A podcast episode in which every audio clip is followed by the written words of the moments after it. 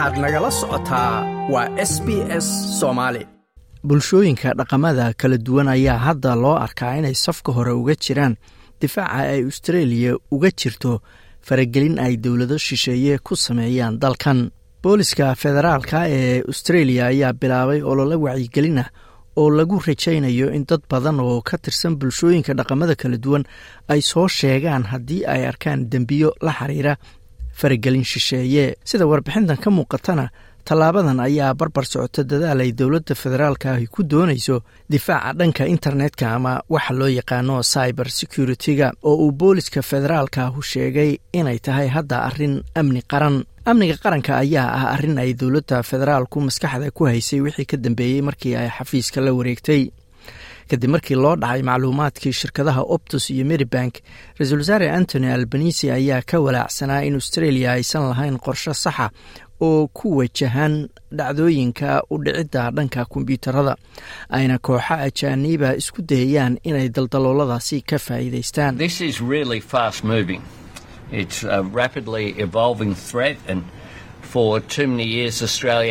si xawli ah ayay arrintani ku socotaa waa khatar si deg dega isu bedbedelaysa.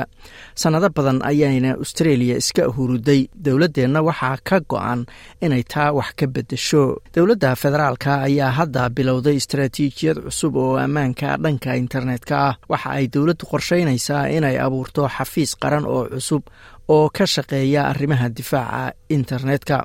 Isuduwo cusubna loo sameeyo wasaaradda arrimaha gudaha. Wasiiradda arrimaha amniga internetka claire o'neil ayaa sheegtay in hay'adda australian signals directored sidoo kale la siin doono awood dheeraada oo ay ku faragelin karto ama wax uga qaban karto weerarada dhanka internetka ee mustaqbalka.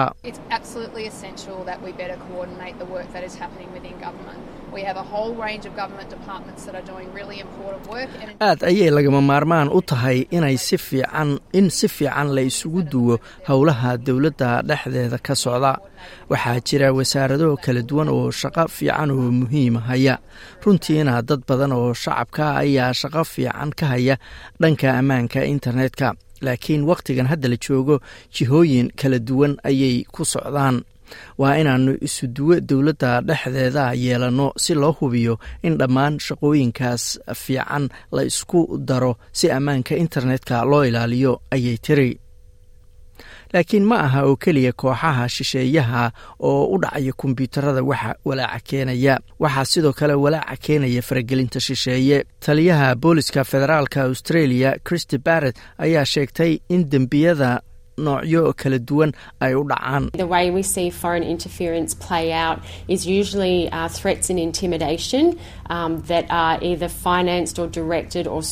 Sida aanu u aragno in faragelinta shisheeyuhu u dhacdo waa caadiyan hanjabaado iyo cagajuglayn ay ama maalgeliyaan ama amraan dowlado shisheeye oo lagu beegsanayo markaasi bulshooyinkeenna gaar ahaan kuweenna dhaqamada kala duwan.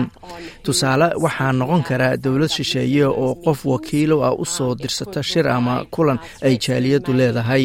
Si wakiilkaasi uu dib ugu celiyo oo uu uga warramo dowladdiisa cidda dalkaas shisheeye ka hadlaysay ee joogtay kulankaasi. Waxa ay u ekaan kartaa ayay tiri qof si foolka foolah ama telefoon loogu hanjabo ama hadal uu ka jeediyey dowladda shisheeye ama siyaasaddeeda awgeed booliska federaalka australia ayaa hadda si toosa ula hadlaya bulshooyinka dhaqamada kala duwan iyadoo cabsida laga qabo in la beegsado bulshooyinkaasi ay sii kordhayso. Dembiyadaasna aan inta badan la shaacin ama booliska loo sheegin. Chrissy barrett ayaa sheegtay in a f b ay bilaabayso ololo waxbarasho ama wacyigelin ah oo ay ku jiraan qoraallo macluumaad ku qoran soddon luuqadood si loogu dhiirageliyo shacabka australia ee dalalka kale ka soo jeeda inay hadlaan oo ay u soo sheegaan dowladda haddii cidi ay u hanjabto.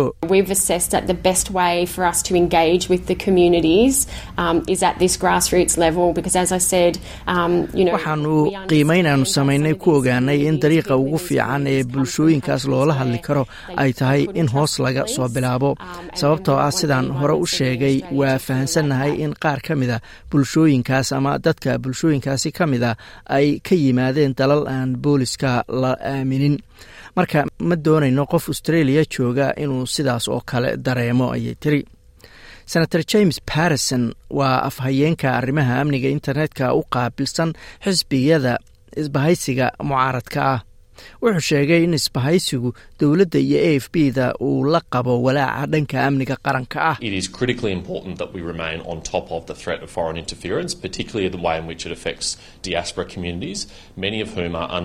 Waa lagama maarmaan inaannu la soconno khatarta faragelinta shisheeye gaar ahaan sida ay u saamayso bulshooyinka qurba joogta ah oo qaar badan oo ka mid a ay wajahayaan dhibaatooyin joogta ah. Iyo handadaado uga yimaada dowlado shisheeye oo keligi talis ah. Mana aha wax la aqbali karo waana mas'uuliyad dowladda iyo booliska federaalka ah saaran inay difaacaan bulshooyinkaasi. Senator barrison ayaa sheegay in wacyigelinta uu soo dhoweynayo balse uu doonayo inuu arko in booliska federaalka australia uu si firfircoon u hirgeliyo ama u fuliyo shuruucda hadda jirta.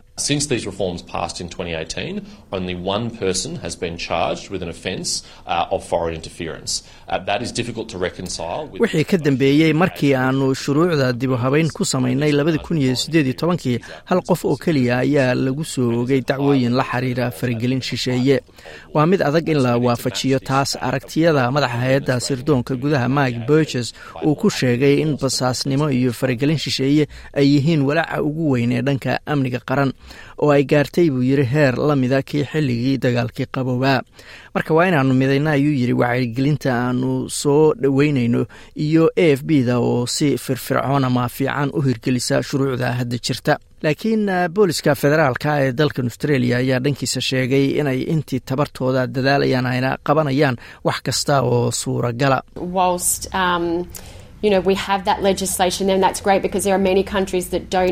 inkasta oo aanu sharcigaas leenahay oo ah wax fiican sababtoo ah waxaa jira dalal badan oo aan lahayn shuruuc noocaas oo kale oo la xiriira faragelinta shisheeye. Waa nooc dembiyeed adag in cadaymo loo helo si markaasi loo awoodo ama loo gaaro heer qofka maxkamad la soo taagi karo. Dhanka kalena waxaa sii socda in arrintan amniga internetku uu noqonayo mid amni qaran ah dowladda ayaa sii daysay qoraal ku saabsan ammaanka dhanka online-ka taas oo uu ra'iisul wasaare antony albanisi ku soo bandhigay istaraatiijiyad toddobada sano ee soo socota taasoo looga dan leeyahay in la dhaqangeliyo sanadka soo socda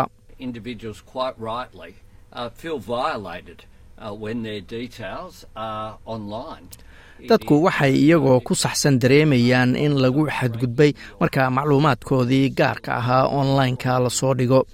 Kama ay duwanaa ayuu yidhi qof gurigiisa la jabsaday ama loo dhacay oo wixii uu haystay laga xaday. Marka dhammaanteen waanu fahamsannahay sida ay aadka muhiimka ugu tahay ayuu yidhi ra'iisul wasaare antony albanisi